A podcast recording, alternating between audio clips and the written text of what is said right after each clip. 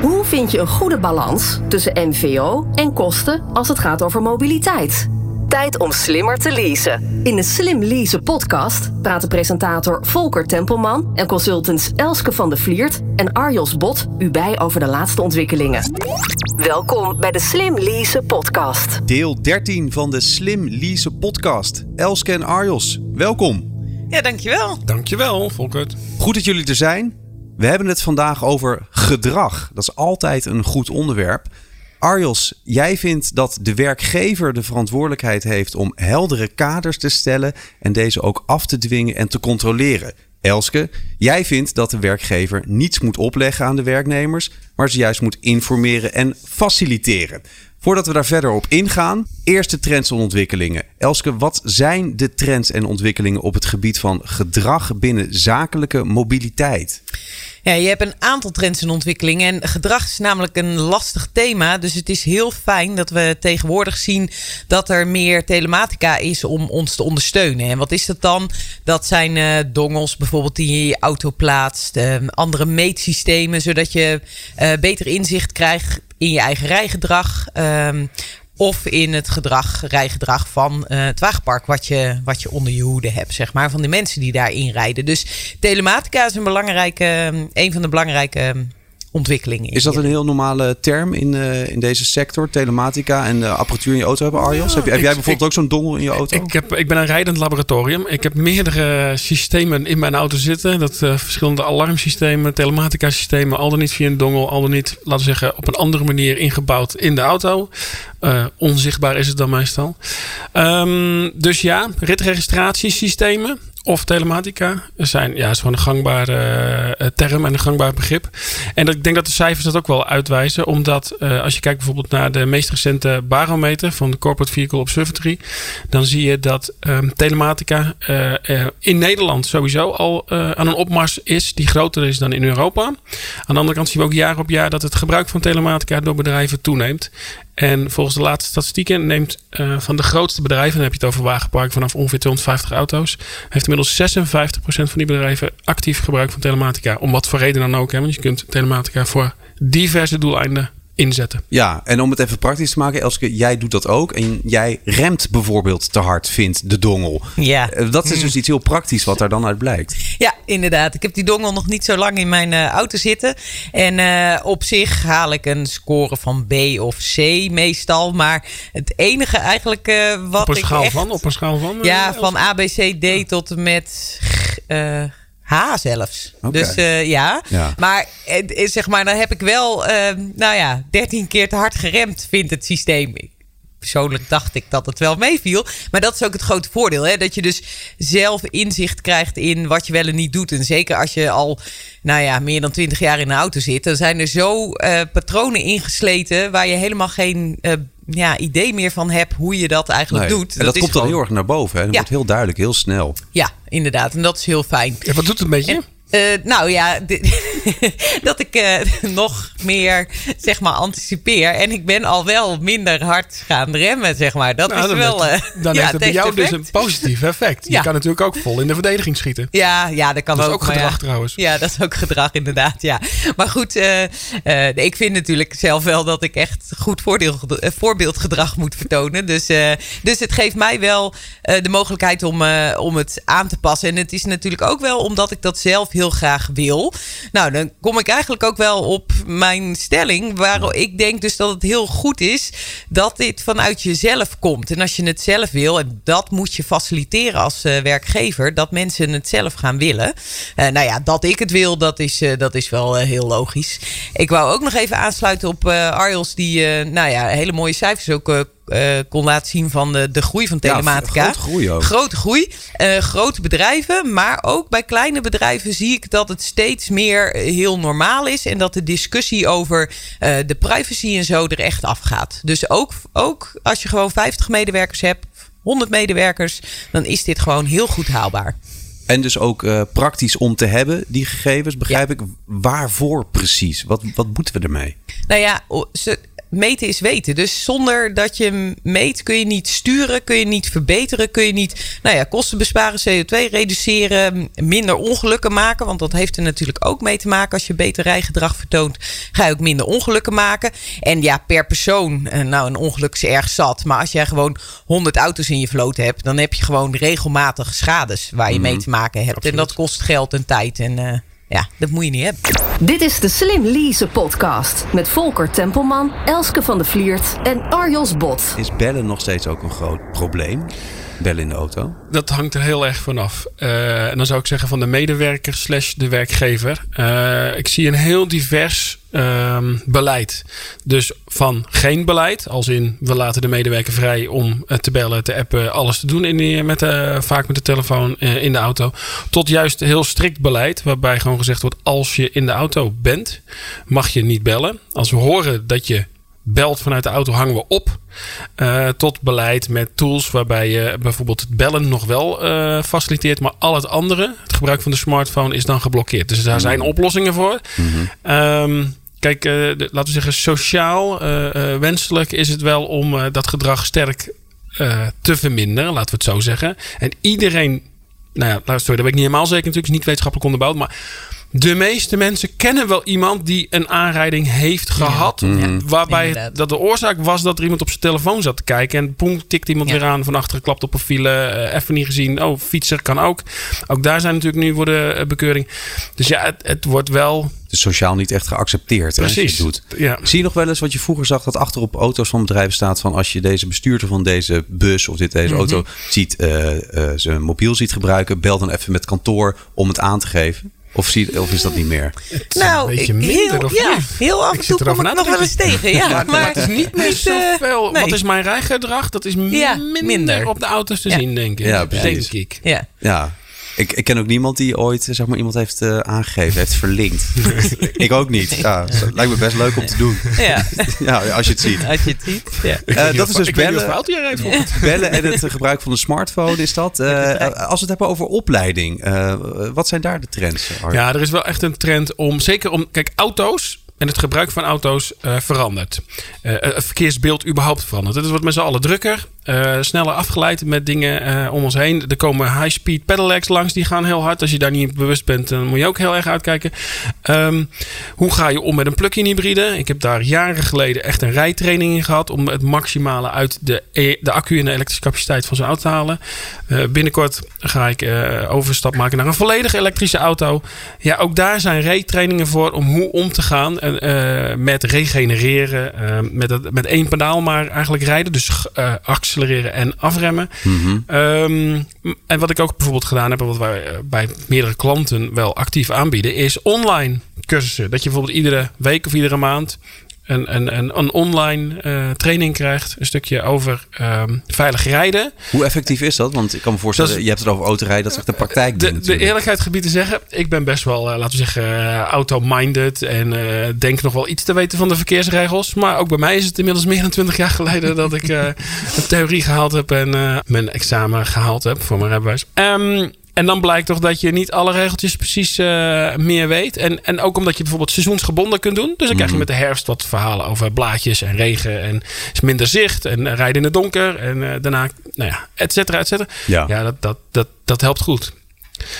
Zie je ook dat, uh, Elske, dat mensen daar uh, voor openstaan? Want het kan misschien als een verplichting klinken. Van ik moet een cursus doen of ik moet me, uh, mijn skills opvijzelen. Ja, dat, dat zit ook heel erg in hoe je dat in het voortraject uh, aanpakt en hoe je het communiceert. Dus uh, uh, als je er gewoon mee komt van nou, je gaat cursus doen, punt. Ja, dan voelen mensen het als een verplichting en wat zijn dan de consequenties? En dus ik ben altijd heel erg van. Wie zijn tijd moet het dan? Ja, dat is een heel Precies. belangrijke vraag. Ja, ja. ja. zeker weten. ik ben altijd van eerst de waarom communiceren. Dus eerst uitleggen van waarom dit een belangrijk onderwerp is, waarom er überhaupt zo'n cursus gedaan wordt. Maar als het goed is, ben je in je bedrijf ook constant aan het communiceren waarom het belangrijk is dat er aan CO2-reductie gewerkt wordt, aan veilig rijden gewerkt wordt, aan zuinig rijden gewerkt wordt. Dus als die communicatie maar goed op gang is, nou ja, dan ga je vervolgens als werkgever zeggen van joh, en wij willen jullie daar ook bij helpen. Wij willen jullie daarin steunen. En daarom hebben wij opleiding voor jullie.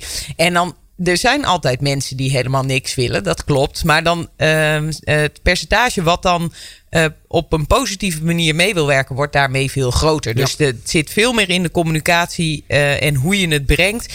En ook wel uh, ja, dat je uitlegt wat je er dan vervolgens mee gaat doen. Maar ook hoe het hen kan helpen en hoe het hen zeg maar beter hun werk kan laten doen. Dat is belangrijk. En waarom niet gewoon opleggen en controleren? Want dan is het toch voor iedereen duidelijk? Ja, het is wel voor iedereen duidelijk, maar het werkt beter op het moment dat, op het moment dat mensen dingen zelf willen. Dan gaan ze minder in de weerstand en dan haal je meer effect, is, is mijn uh, visie daar in ieder geval op.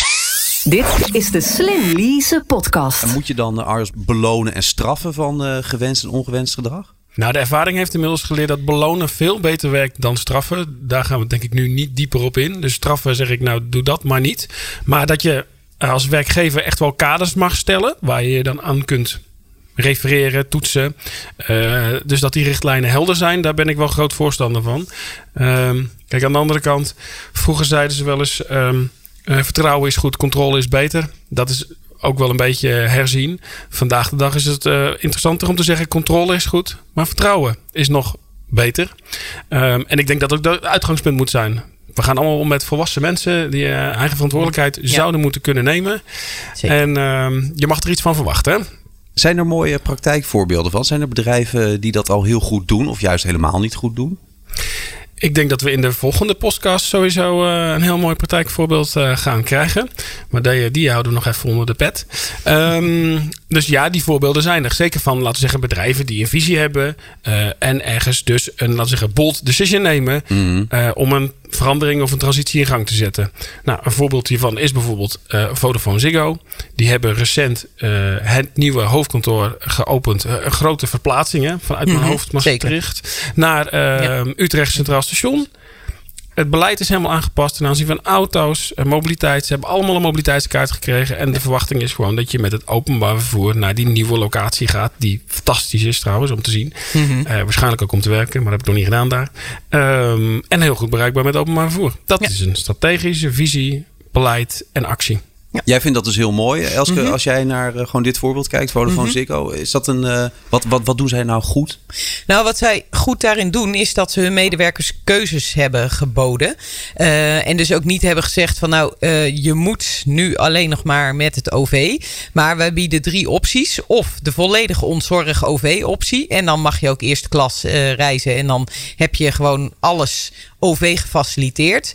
Uh, er is nog een middenoptie. En er is ook nog de optie dat je zegt van nou ja, ik ga het gewoon met mijn eigen vervoer zoveel mogelijk proberen te regelen. Dan krijg je alsnog wel je tweede klas uh, OV-rit vergoed. Uh, maar dan moet je zelf veel meer organiseren. En dan heb je dus ook zelf meer kosten. Um, maar goed, daar kun je voor kiezen op het moment dat je zegt: ja, maar ik vind dat toch beter bij mijn levensstijl uh, passen. Het overgrote merendeel kiest wel voor die volledige OV-optie.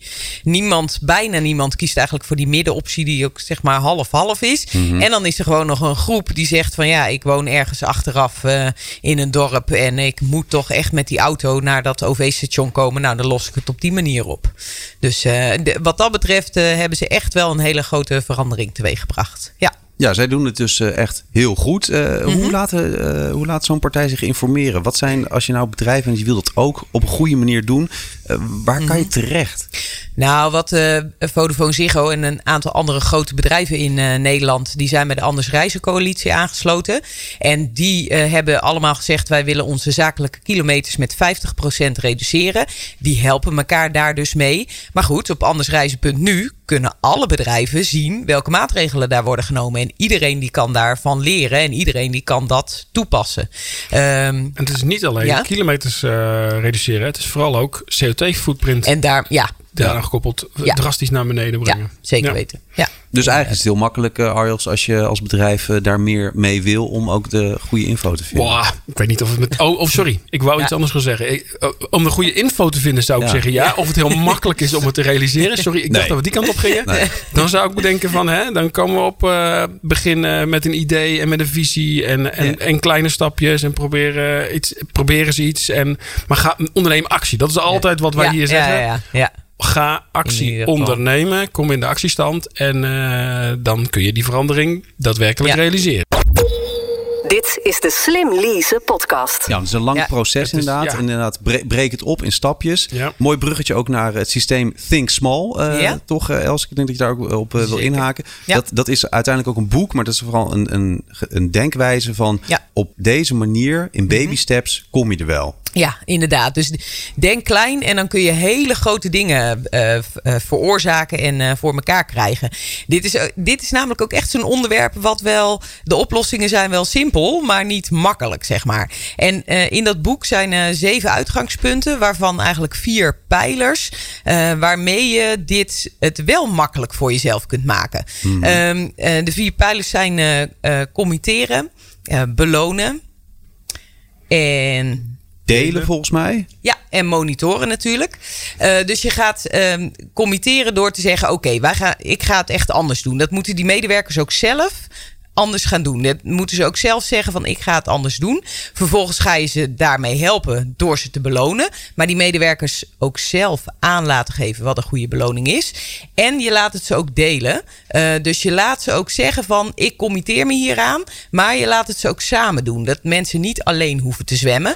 Nou ja, vervolgens ga je wel monitoren om te kijken of het ook daadwerkelijk effect heeft. Wat is jouw connectie met dit boek, eh, Arjos? Eh, Wat weet jij er nog meer van? En waarom is het ook een, een, een, een manier en een stepping stone om goed naar je doel te werken?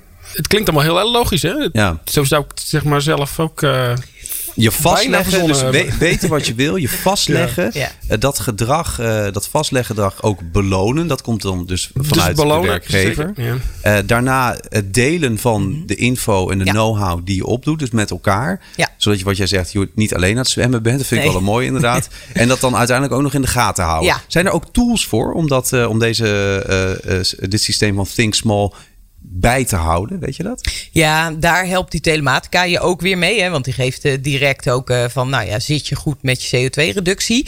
Eh, en verder, ehm, ehm, ja, het boek zelf is eigenlijk al wel de tool. En wat ik met veel bedrijven doe, is dat ik in de workshops eh, ga vormgeven hoe we dit nou samen gaan doen. Hoe gaan we ons nou committeren? Eh, schrijven we bijvoorbeeld het op in een soort van contract met onszelf of met elkaar? Eh, hoe gaan we belonen? Nou, met belonen, daar zit je, dat is altijd heel erg bedrijfsspecifiek. Want het ene bedrijf kan zeggen, joh, als we dit halen, dan.